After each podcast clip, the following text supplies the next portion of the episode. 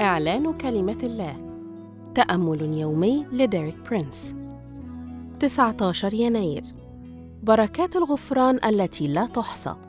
هذا الأسبوع يشرح لنا ديريك برينس حقيقة أن يسوع غفر لنا كل خطايانا بدمه.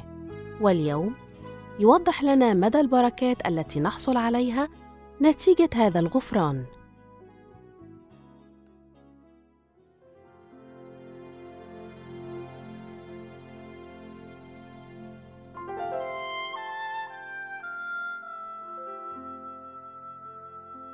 درسنا سابقا اتجاهات الغفران وشرحت لكم أن للغفران اتجاهين اتجاه رأسي واتجاه أفقي. والاتجاه الرأسي هو هذا النوع من الغفران الذي نحتاج إليه ونستقبله مباشرة من الرب. وتخبرنا كلمة الله أن هناك بركات لمن يحصل على هذا النوع من الغفران. هذه الحقيقة عبر عنها داود بكلمات رائعة في مزمور 32 فيقول طوبى للذي غفر إثمه وسترت خطيته. طوبى لرجل لا يحسب له الرب خطية ولا في روحه غش.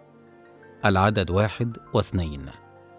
تبدأ الآية كما وردت في الأصل العبري بكلمة يا للنعم وهي كلمة في صيغة الجمع لتوضح البركات الكثيرة التي يحصل عليها الشخص عندما غفر إثمه وسترت خطيئته.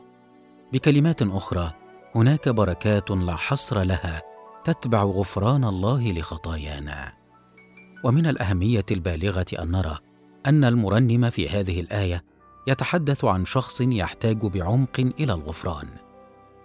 فالكتاب المقدس يشير بوضوح إلى أننا جميعا نحتاج إلى غفران الله لا يوجد شخص لا يحتاج إلى غفران الله.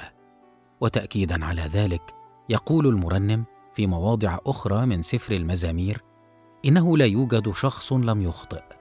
الجميع أخطأوا وبالتالي الجميع يحتاجون إلى غفران الله. فالقضية لا تتعلق بالاحتياج وإنما بكيفية الحصول الفعلي على الغفران. أشكرك يا رب من أجل دم يسوع. أعلن أنني في احتياج إلى غفرانك وأنه بغفرانك تمنحني بركات عظيمة أيضا. وأعلن أنه بدم يسوع صارت كل خطاياي مغفورة. آمين. للمزيد من الكتب والعظات لديريك برينس قم بزيارة موقعنا dpmarabic.com.